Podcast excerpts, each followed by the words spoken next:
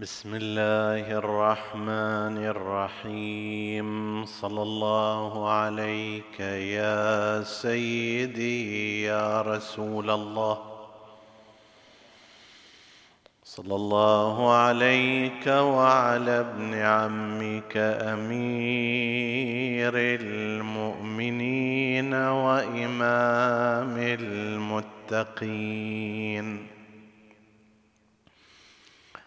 صلى الله عليك يا سيدي يا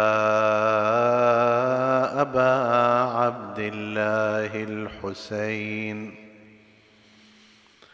وعلى أهل بيتك الطاهرين. ما خاب من تمسك بكم. وامنا من لجأ إليكم. يا ليتنا كنا معكم فنفوز فوزا عظيما. قال الله العظيم في كتابه الكريم بسم الله الرحمن الرحيم. ثم أورثنا الكتاب الذين اصطفينا من عبادنا فمنهم ظالم لنفسه ومنهم مقتصد ومنهم سابق بالخيرات بإذن الله. ذلك هو الفضل الكبير. آمنا بالله. صدق الله العلي العظيم. عطروا مجالسكم بذكر محمد وآل محمد.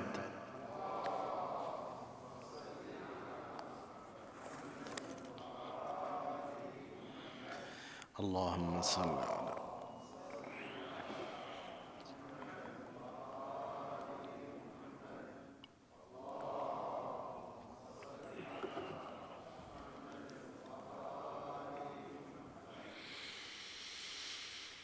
حديثنا بإذن الله تعالى يتناول موضوع أن سنة المعصومين عليهم السلام وحديثهم هي نفسها سنة رسول الله صلى الله عليه وآله.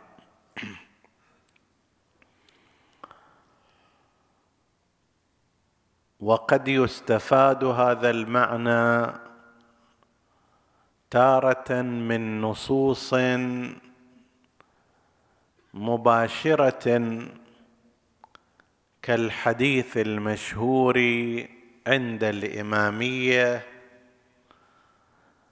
حديثي حديث أبي وحديث أبي حديث جدي وحديث جدي حديث الحسين وحديث الحسين حديث الحسن وحديث الحسن حديث علي بن أبي طالب وحديث علي هو حديث رسول الله صلى الله عليه وآله كما ورد في الخبر عن إمامنا الصادق عليه السلام.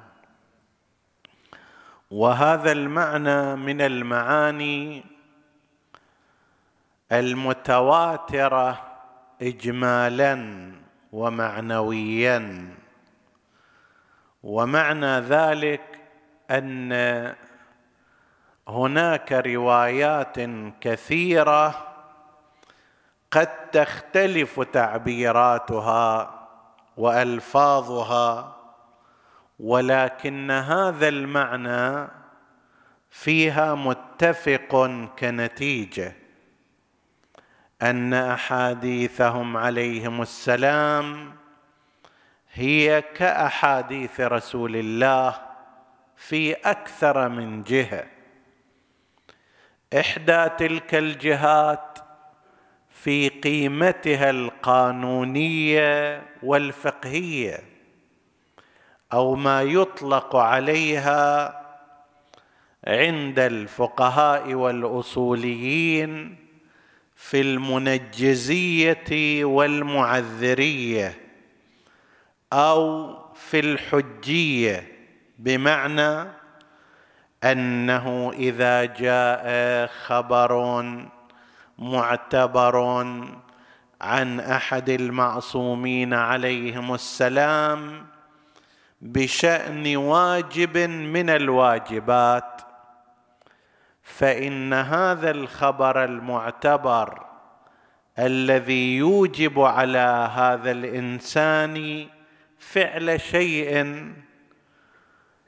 يساوي ما لو كان النبي قد قاله في تنجيز الفعل وفي وجوبه على هذا المكلف.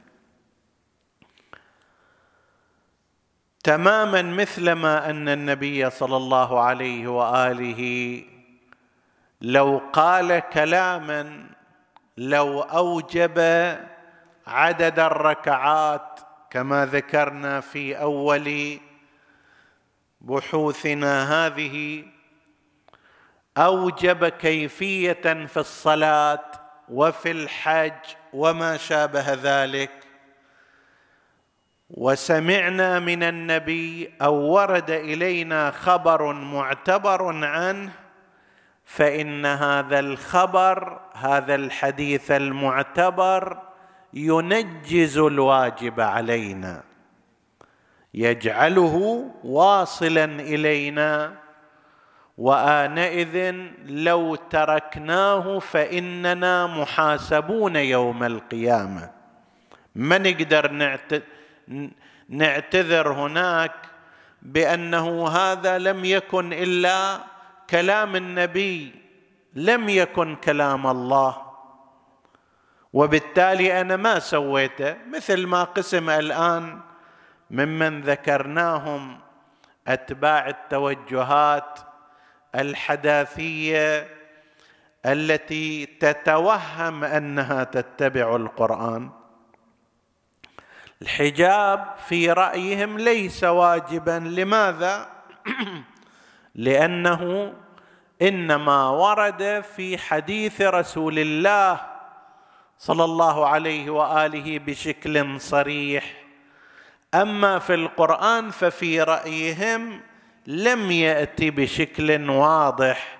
وقل للمؤمنات قل للمؤمنات يدنين عليهن من جلابيبهن إلى ما شابهها من الألفاظ. لا هذا الكلام غير صحيح عندما يأتي عن النبي صلى الله عليه وآله ما نقل عنه إذا بلغت الفتاة المحيض لم يصلح أن يرى منها إلا هذا وهذا. كما ورد في بعض مصادر مدرسة الخلفاء وورد إشباهه في مصادر الإمامية ما دام قد ورد هذا في حديث رسول الله فقد أصبح منجزا وواجبا. نفس الكلام حرفا بحرف إذا جاء الخبر عن واحد من أئمة أهل البيت عليهم السلام فإنه كذلك جاءنا الخبر المعتبر مثلا متى شككت فخذ بالأكثر. في عدد ركعات الصلاة مثلا إذا شككت بين الثالثة والرابعة يجب عليك هنا أن تبني على الأكثر ثم تأتي بركعة احتياط منفصلة. كما ذكر ذلك العلماء مستفيدين من روايات أهل البيت عليهم السلام. لا تستطيع أن تقول لا أنا أريد أبني على الأقل. أقول ما جبت ثلاث فخليني أرجع إلى الثالثة وآتي معها برابعة. لا يحق لك ذلك. ما دام الخبر المعتبر قد جاء عن المعصوم بأنه متى شككت فخذ بالأكثر في قضية الركعات يجب عليك أن تلتزم بهذا تماما مثلما لو جاء حديث عن رسول الله وفي حالة رسول الله تماما مثلما لو جاء آية من آيات الكتاب المجيد. ونفس الكلام في قضية الاعتذار اللي يسمونها المعذرية. يعني لو كان هناك أمر من الأمور أباحه الشرع لي وقال لي بحسب ما ورد مثلا من أخبار أهل البيت عليهم السلام لا يجب عليك هذا بل لا يصح منك. مثلا إذا ورد أنه ليس يصلح الصوم في السفر وأنا إجيت ولم أصم في نهار شهر رمضان باعتبار أنني مسافر. ولو هذا أيضا وارد في القرآن بس مجرد مثال. وجئت في يوم القيامة وسئلت لماذا لم تصم؟ أستطيع القول بأن عندي شيئا يعذرني ويبعد عني العقوبة. وهو ماذا؟ وهو الحديث الوارد عن أهل البيت عليهم السلام. فهذا المعنى من أن حديث المعصوم عليه السلام هو كحديث رسول الله صلى الله عليه وآله في قيمته القانونية والفقهية بما يعني أنه حجة للإنسان وعليه. حجة في يوم القيامة يستطيع عندما لا يفعل شيئا بناء على الخبر المعتبر عن المعصوم يقدر يبرزه كاعتذار. ويجب عليه هو حجة عليه عندما يكون في يوم القيامة أمام السؤال لماذا لم تفعل هذا الفعل فبعضه بشكل مباشر مثل هذا بل أكثر من هذا طبعا هذا الحديث فيه تتمه وحديث رسول الله صلى الله عليه وآله هو كقول الله عز وجل. من الأشياء الطريفة هذا المعنى كيف يؤكده ويركزه المعصومون وهذا ذكرناه فيما مضى من الليالي من أن الأئمة عليهم السلام كانوا يتعمدون أن لا يذكروا سندا إلى رسول الله. أنه أنا جعفر بن محمد أروي عن أبي الباقر هو يروي عن أبيه السجاد وهو يروي عن أبيه الحسين وهو عن علي وهو عن رسول الله. ما كان يصنعون هكذا إلا في حالات قليلة جدا متعمدين في ذلك. لأن ذاك يمضي الفكرة الخاطئة عند الناس من أن هؤلاء مجرد رواة علماء. حالهم حال سفيان الثوري والحكم ابن عتيبة وأبو حنيفة النعمان ومالك وفلان. هم لا يريدون أن يقروا هذه الفكرة الخاطئة وإنما يريدون أن يثبتوا ما هو الصحيح من أنهم أئمة قولهم هم حجة. مو باعتبار أنهم يروون ليسوا رواة ليسوا فقهاء ينقلون كلاما. صحيح علمهم علم رسول الله. فمن الطرائف التي تنقل أن أحد الفقهاء في ذلك الزمان وهو من فقهاء مدرسة الخلفاء اسمه سالم ابن أبي حفصة. لما توفي واستشهد إمامنا الباقر عليه السلام. جاء مع أصحابه وقال لهم أنا أدخل على أبي عبد الله جعفر بن محمد لكي أعزيه في أبيه. أقوم بواجب التعزية. فدخل على الإمام الصادق عليه السلام والإمام جالس حول جماعة. فأراد سالم ابن أبي حفصة وهو من من فقهاء المدرسة الأخرى أن يعظم مثلا من شأن الإمام الباقر. فقال إنا لله وإنا إليه راجعون. ذهب والله من كان يقول قال رسول الله فلا يسأل عمن كان بينه وبين رسول الله. هذا تعظيم له يعني راح ذاك الرجل اللي إذا قال قال رسول الله سنده إلى رسول الله متصل وهو ثقة. طبعا هم يعتقدون بأنه الإمام الباقر يروي عن جابر بن عبد الله الأنصاري وجابر يروي عن الرسول فإذا حتى لو حذف الواسطه بينه وبين النبي يعني عنده سند متصل إليه. وهذا مدح يعتبر بالنسبة لهم.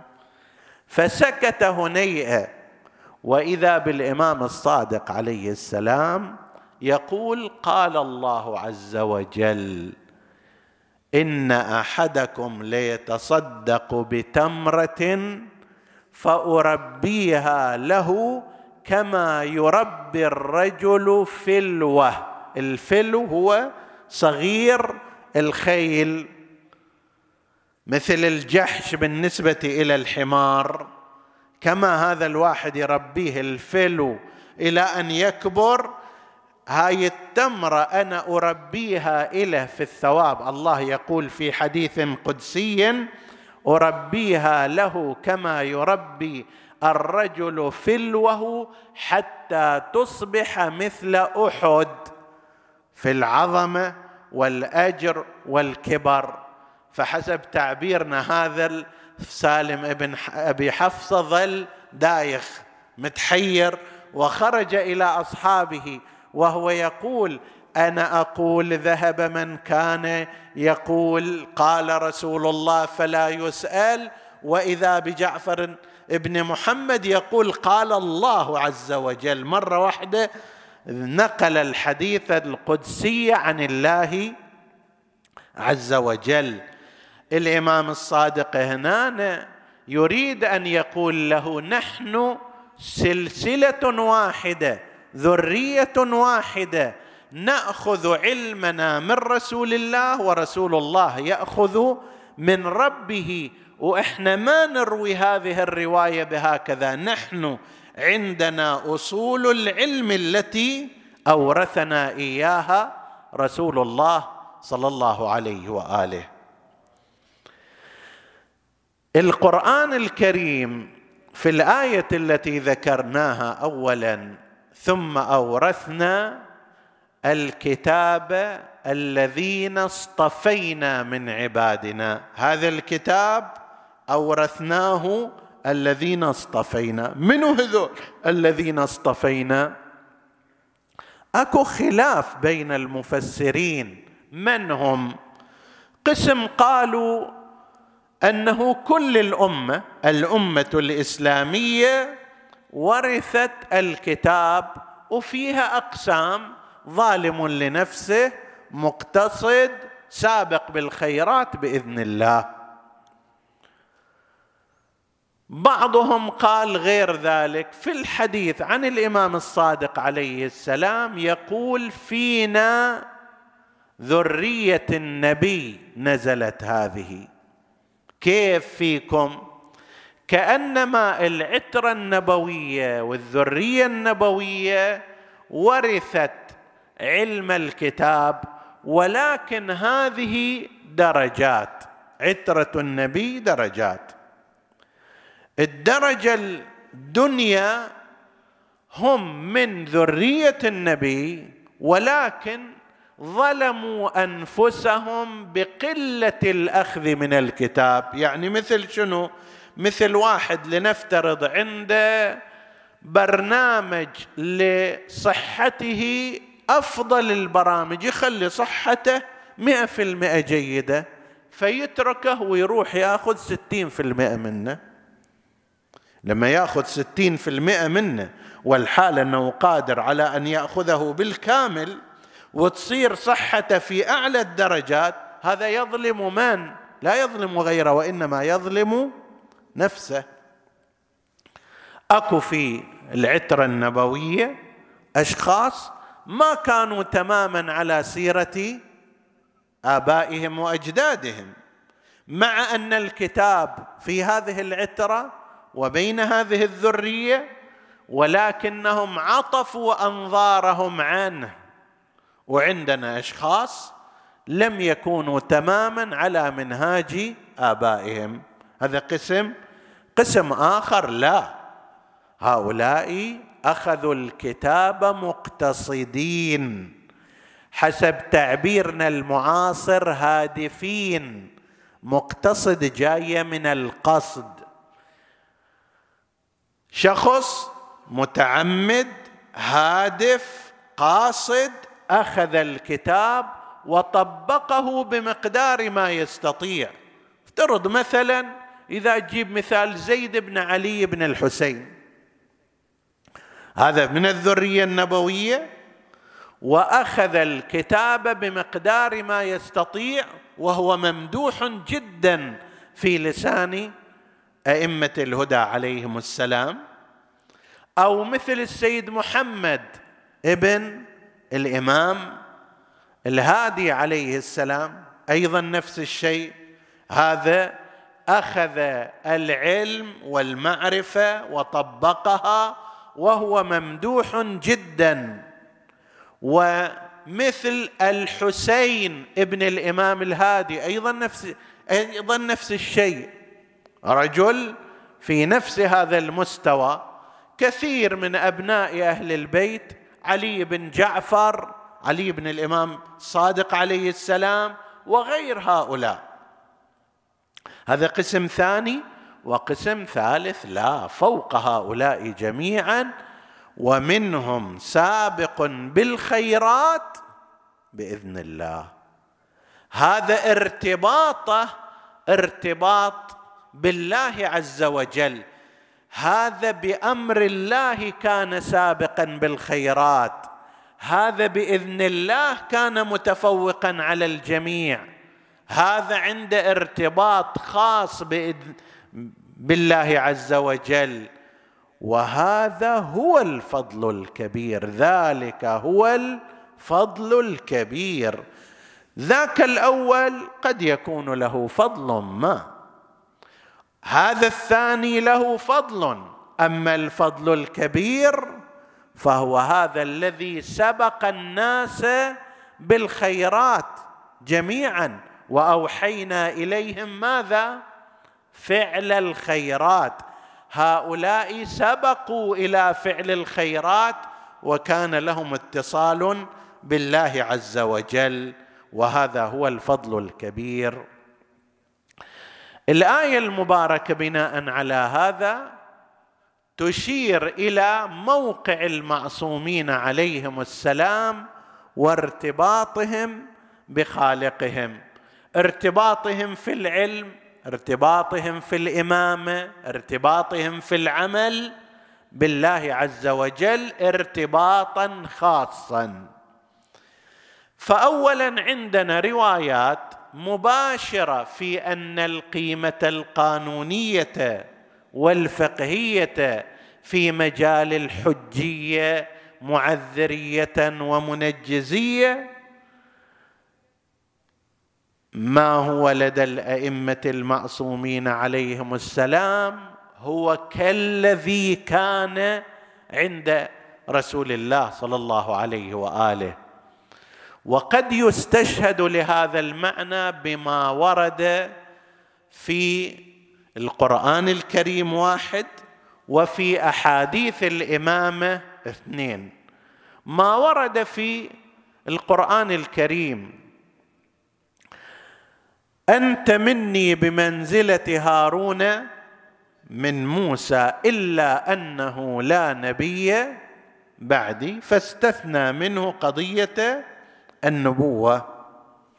شنو الباقي؟ ما هو الباقي الذي سيكون فيه الإمام أمير المؤمنين عليه السلام من رسول الله بمنزلة هارون من موسى؟ لما نرجع إلى القرآن نجد هارون أخي أشدد به أزري وأشركه في أمري واجعل لي وزيرا من أهلي هارون أخي اشدد به أزري وأشركه في أمري كي نسبحك كثيرا ونذكرك كثيرا إنك كنت بنا بصيرا.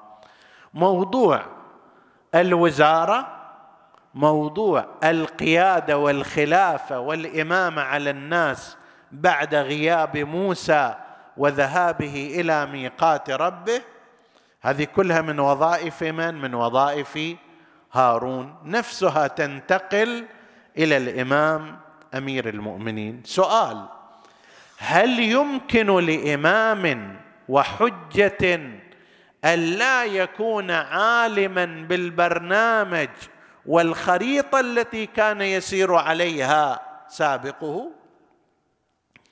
النبي عالم بكل شيء يجي واحد وراه ما يدري عن الموضوع. يسأل فلا يجيب يمتحن فلا ينجح.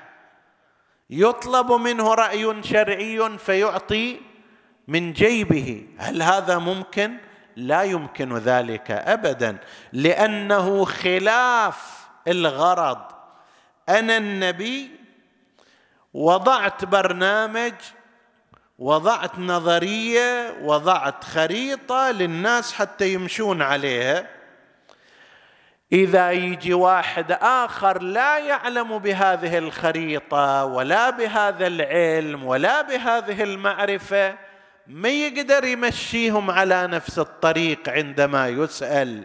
وإذا ما قدر يمشيهم كأني أنا سويت شيء مخالف لهدفي من تعيينه وتوليته. يقول العلماء نفس أدلة الإمامة. تقتضي أن يكون هناك وراثة للعلم وراثة للمعرفة. هنا نجي نشوف لماذا كان هناك إصرار من قبل المعصومين عليهم السلام على بيان أن هذا مثلا اللي إحنا نقوله هو إملاء رسول الله. نقلنا أكثر من حديث في مقدمات بحثنا عن موضوع تدوين السنة عند الإمامية. أكثر من حديث تشير إلى أن علم رسول الله صلى الله عليه وآله قد دونه علي أمير المؤمنين عليه السلام من إملاء رسول الله وبكتابة النبي صلى الله عليه وآله وأن هذا بقي إلى فترات متأخرة. نحن نجد استشهاد الإمام الصادق عليه السلام والإمام الباقر الإمام الصادق مرارا يقول ما كذبوا ما وجد هذا في كتاب علي. لما جابوا إلى قالوا له ترى في من أهل الكوفة من يروي عن علي بن أبي طالب جواز المسح على الخف. قال كذبوا ما وجدنا هذا في كتاب علي بن أبي طالب. كتاب موجود عندنا. هذا الموضوع ليس موجودا فيه. زين هذا الكتاب ما هو؟ هو إملاء رسول الله كما في الخبر عن الحكم ابن عتيبة. حكم ابن عتيبة من فقهاء المدرسة الأخرى. ويظهر أنه لم يكن معاندا فكان يأتي ويسأل الإمام الباقر عليه السلام عما أبهم عليه. فجاء وسأل الإمام عن مسألة اختلف فيها فالإمام الباقر عليه السلام قال لابنه الصادق يا جعفر قم وآتني بالكتاب الكذائي في المكان الفلاني. يقول فجاء بكتاب مدروج عظيم. مدروج ملفوف عظيم. فلما بسطه أشار إلى موضع المسألة إلى الحكم بن عتيبة وقال له هذا إملاء رسول الله صلى الله عليه وآله بخط علي بن أبي طالب. بعض الأحيان الأئمة عليهم السلام يبينون هذا للناس حتى يقولوا ترى إحنا لا نأتي بالأحاديث والروايات باجتهاد شخصي أو بآراء وإنما هي أصول علم نتوارثها عن رسول الله كابرا عن كابر. واضح أنه الإنسان يحتاج إلى كثير من الأحكام الشرعية وأن ما جاء في القرآن الكريم لما سبق أن بيناه من أن طبيعة الدساتير الملقاة إلى عامة الناس لا مجال فيها لتفصيل كل الأحكام. بالإضافة إلى تجددها أي الأحكام. فاذا ماذا نصنع هنا؟ يجي دور النبي والإمام. النبي صلى الله عليه وآله يبين عند من يعطي هذه؟ عند من سيكون اماما وقائدا للناس وإن ثقف الناس عامة بالثقافة العامة. النبي صلى الله عليه وآله يخطب في الناس. خطبة الجمعة خطبة العيد خطبة مبتدأة نصيحة موعظة قبل الذهاب إلى الحرب عند حصول مشكلة فالجميع يسمع منه. لكن هل هذا المقدار هو كاف للناس جميعا لكي يعملوا به؟ كلا. وإنما يحتاج إلى أن يودع علمه عند شخص خاص هو الذي سيقول علمني رسول الله ألف باب من العلم ينفتح لي من كل باب ألف باب. هو اللي راح يقول بما لا يستطيع غيره أن يقوله سلوني قبل أن تفقدوني. سلوني عن طرق السماء فلأنا أعرف بها من طرق الأرض. سلوني فما من آية نزلت في ليل أو نهار إلا وعرفتها وماذا تريد ومن تعني. سلوني فما من راية تضل مئة أو تهدي مئة إلا وعرفتها. كل ذلك بإخبار رسول الله صلى الله عليه وآله. هذا مو من جيب أمير المؤمنين عليه السلام وإنما علي أديب رسول الله تربيه رسول الله تعليم رسول الله وهذا العلم كله علم النبي صلى الله عليه وآله. ولذلك تجد الفرق الكبير بين معاصري رسول الله صلى الله عليه وآله من الأصحاب. من الأصحاب من لا يعرف ميراث الجده الجده لها ميراث لو ما لها ميراث. من الأصحاب من يعجل من يعجز عن حل القضايا فيحتاج إلى أن يجمع بقية أصحاب رسول الله ويسألهم شنو الحكم هنا. من الأصحاب من يقول لولا علي من الأصحاب من يتحير في كلمة من كلمات القرآن من أسهل الكلمات. لكن عليا عليه السلام كما ينقله غير الإمامية أعلمكم علي أقضاكم علي إلى غير ذلك. فسنة المعصومين عليه عليهم السلام هي سنة رسول الله أورثها إياهم. من الأخبار التي تشير إلى هذا المعنى ما نقله الشيخ الكليني رحمه الله في كتابه الكافي عن أبي جعفر عليه السلام. لاحظوا أن قسم غير قليل من هالمسائل كانت في الغالب في زمان الإمام الباقر والإمام الصادق لأنها أول طرح هذه المسائل. بداية تكون الاتجاهات الفقهية واللي بعدين صارت مذاهب كانت في هذا الزمن. فهل كان فربما بعضهم كان ينظر إلى مثل الإمام الباقر أو الصادق باعتبارهم فقهاء كسائر الفقهاء. الأئمة عليهم السلام كانوا يريدون أن يفهموا الناس أنهم ليسوا كذلك.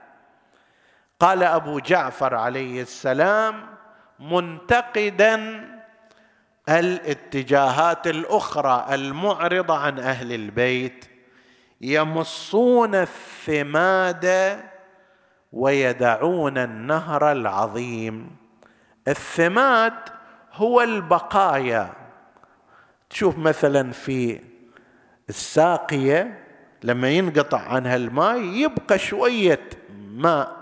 هنا وهناك بقايا بسيطة. هذا يسمونه الثماد. قبل أن ينشف بالكامل يبقى مقدار بسيط من الماء. فالإمام عليه السلام ينعى عليهم ويعاتبهم ويخطئهم.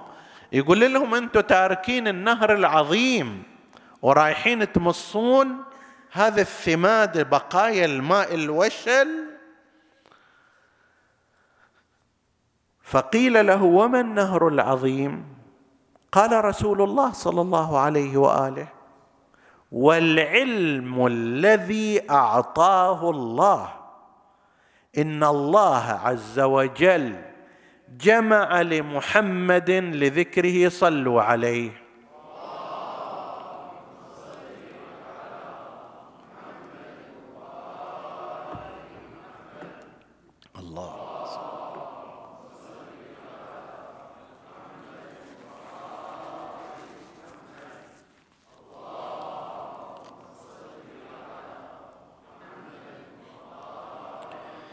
جمع لمحمد صلى الله عليه وآله سنن النبيين من آدم وهلم جرا من آدم إلى الخاتم.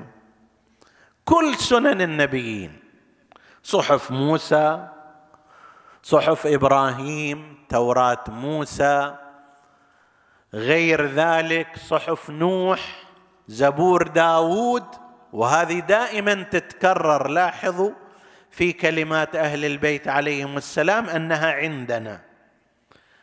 قسم من الناس يعني يستعجب ويتعجب أنه كيف يعني يصير عند الأئمة هالأشياء؟ يا بالقران الكريم حاوي كل ما حوت هذه الأشياء وأسلم منه وأوضح منه وأصح منه وعلمه عندهم. فكيف لا يحتوي على مثلا صحف إبراهيم؟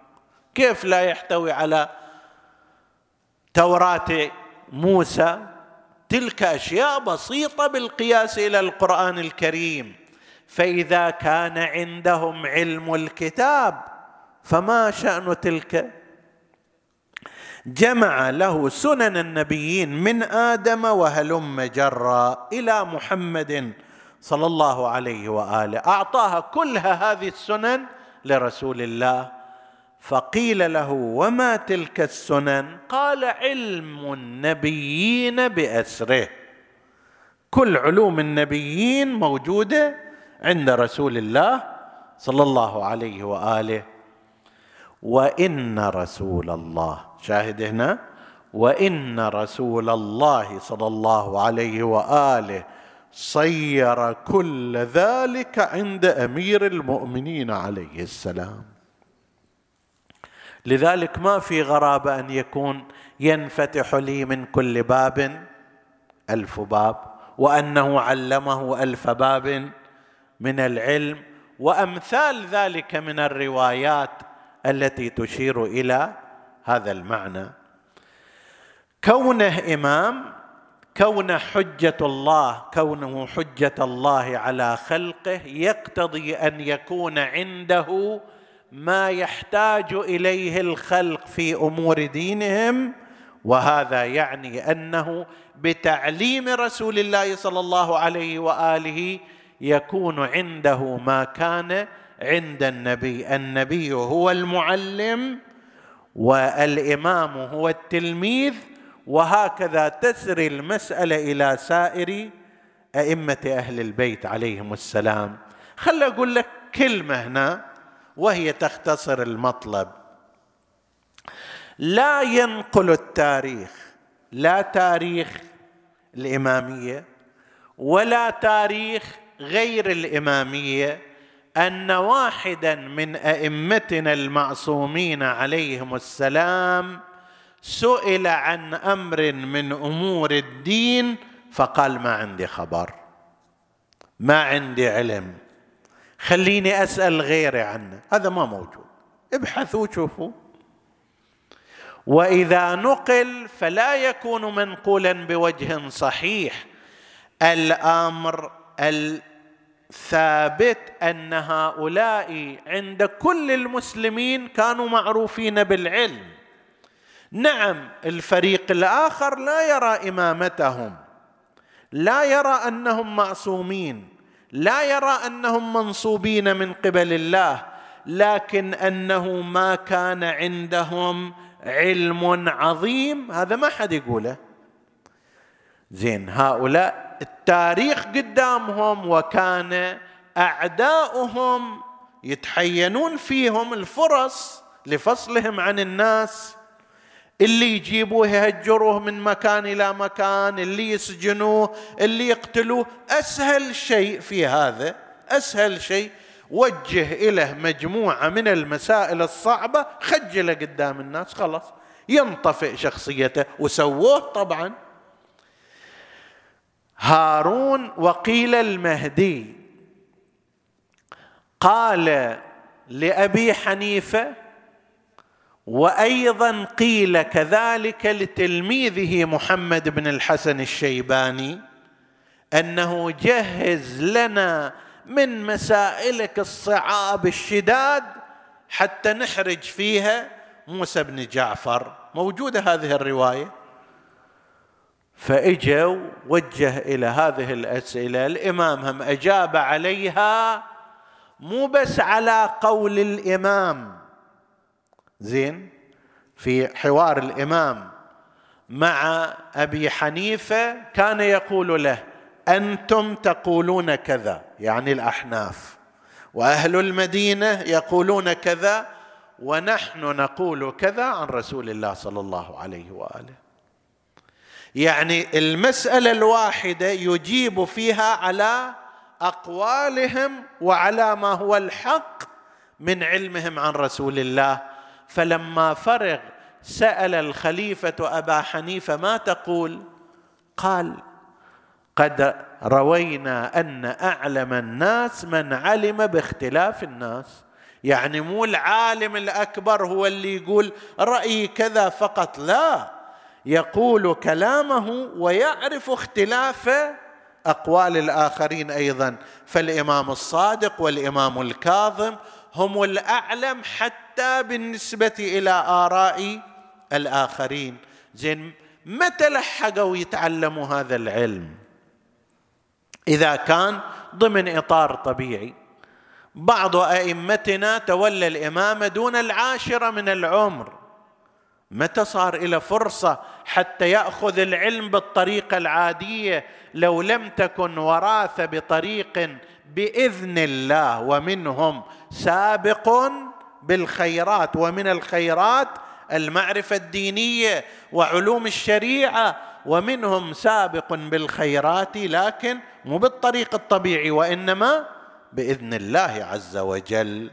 ذلك هو الفضل الكبير. فكل أحاديث الإمامة نحن نعتقد تستلزم أن يكون الإمام عالما بكل الشريعة بتفاصيلها وهذا لا يمكن أن يكون ضمن التعلم العادي والطبيعي. إن شاء الله إذا صار عندنا سلسلة حول عترة النبي في المستقبل نتحدث عن جوانب علوم الأئمة المعصومين عليهم السلام. لكن الآن هكذا باختصار. فهذا وغيره يشير إلى أن ذلك إنما هي أصول علم توارثوها من رسول الله صلى الله عليه وآله ووصلت إليهم تبعا لمهمتهم في الإمامة ولوظيفتهم في هداية الناس وإرشادهم. نسأل الله أن يثبتنا على ولايتهم وأن يرزقنا اتباعهم وشفاعتهم. إنه على كل شيء قدير. هذه الليلة ليلة جمعة وهي ليلة زيارة الحسين عليه السلام. من الليالي المخصوصة بالزيارة والمناسبات هي ليلة الجمعة. نحن نتوجه من هذا المكان إلى زيارة الحسين ونحن نعتقد أنه حي عند ربه مرزوق يسمع الكلام ويرد الجواب. السلام عليك يا أبا عبد الله. السلام عليك يا ابن رسول الله. السلام عليك يا ابن أمير المؤمنين وابن سيد الوصيين. السلام عليك يا ابن فاطمة الزهراء. سيدة نساء العالمين أشهد أنك قد أقمت الصلاة وآتيت الزكاة وأمرت بالمعروف ونهيت عن المنكر وأطعت الله ورسوله حتى أتاك اليقين. ليلة زيارة وليلة انتظار أيضا لصاحب أمرنا ولصاحب عصرنا وولي أمرنا الإمام الحجة المهدي عجل الله تعالى فرجه الشريف وسهل مخرجه ونصر به الدين. نحن نعاهد الإمام بذكره على أن نبقى ثابتين في منهجه لأنه من كان على بينة من ربه ومعرفة من إمامه وطاعة لله في أوامره ونواهيه فهو في فسطاط الإمام المهدي وإن لم يلقاه. هو في معسكره وإن لم يدرك زمانه لأن الإمام ماذا يريد؟ يريد الاستقامة يريد العمل بالواجبات والانتهاء عن المحرمات فمن كان كذلك فهو ناصر للإمام. عندنا روايات لا يضرك تقدم هذا الأمر أو تأخر إذا كنت على معرفة من ربك وبينة من إمامك. عندك وعي عندك معرفة عندك اعتقاد وإيمان عندك عمل بما يتطلبه ذلك الإيمان لا يضرك. تقدم الأمر فصرت من أنصاره فعلا أو تأخر فانتقلت إلى رحاب الله ولما يظهر الإمام عليه السلام. نسأل الله أن يعجل في فرجه وفي فرج البشرية بفرجه الشريف وبظهوره. الإمام المهدي عجل الله فرجه الشريف أيضا يحزنه ما جرى على الحسين. وعلى عيال الحسين وعلى أنصار الحسين. ألا يقول فلئن أخرتني عنك الدهور وعاقني عن نصرك المقدور ولم أكن لمن حاربك محاربا ولمن نصب لك العداوة مناصبا. إذا هالشكل أخرتني الدهور ماذا أصنع؟ كما نصنع نحن أيضا مقتدين به. قال فلاندبنك صباحا ومساء ولا أبكين عليك بدل الدموع دما. حزنا عليك وتأسفا على ما دهاك. سيدي يا صاحب الأمر ما الذي يبكيك؟ ما الذي يكربك؟ ما الذي يؤسيك؟ لماذا تندب صباحا ومساء؟ قيل عن بعض العلماء أنه سمع الإمام يقول وقد ساله هل يحزنك مصرع وأبي الفضل العباس؟ قال لا وإن جل وعظم هل يكربك مصرع علي الأكبر؟ قال لا وإن جل وعظم لو كانا حاضرين لبكيا كما أبكي ماذا يبكي قال مصيبة عمتي زينب. هذه المصيبة لو العباس حاضر كان يبكي لو الأكبر كان حاضر يبكي لو الحسين كان حاضر يبكي بس كلهم استشهدوا قبل ذلك. ماذا كانت مصيبتها؟ أول مصيبة واجهتها عندما دخلت على مجلس ابن زياد. تهكم عليها جرحها بكلامه قال لها الحمد لله الذي قتلكم. مصابه امرأة فقدت ابناءها فقدت إخوتها فقدت بني إخوتها. الآن جاية من سفر بعيد تدخل على ذلك المجلس مجلس الشماتة. ويبدأ يتهكمها. فقالت له الحمد لله الذي أكرمنا بالشهادة. إنما يفتضح الفاجر ويكذب الفاسق. وهو غيرنا ثكلتك أمك يا ابن مرجان.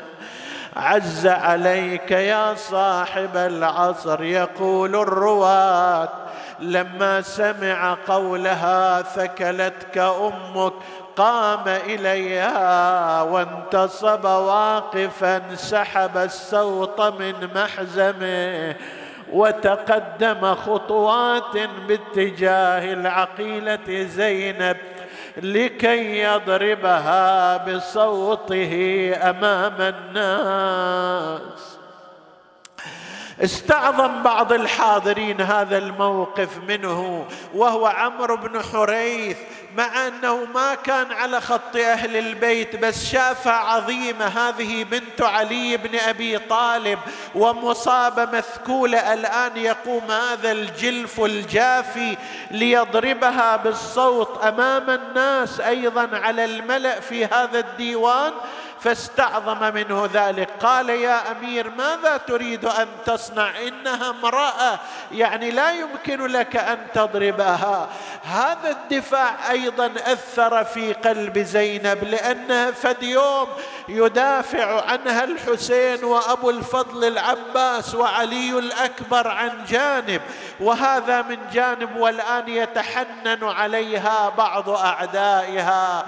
كأني بها تذكرت عزها أيام إخوتها ولا سيما أيام أبي الفضل.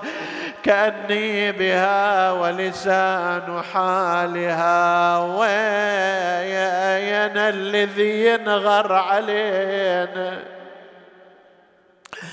وين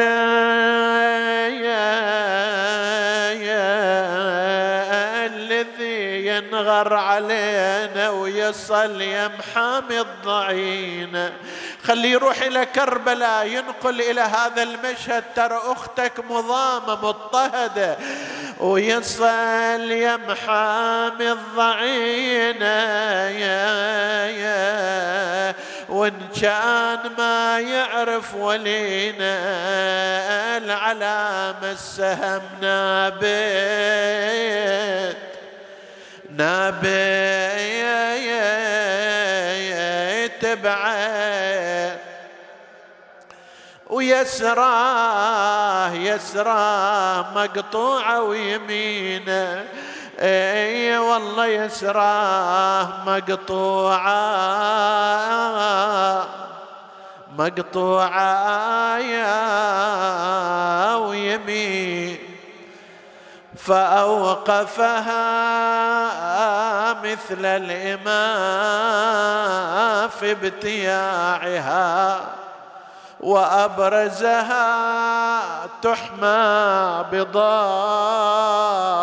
شعاعها وجرعها الأعداء ذل سماعها يسب أبوها عند سلب قناعها ولا ستر إلا ساعد وزنود.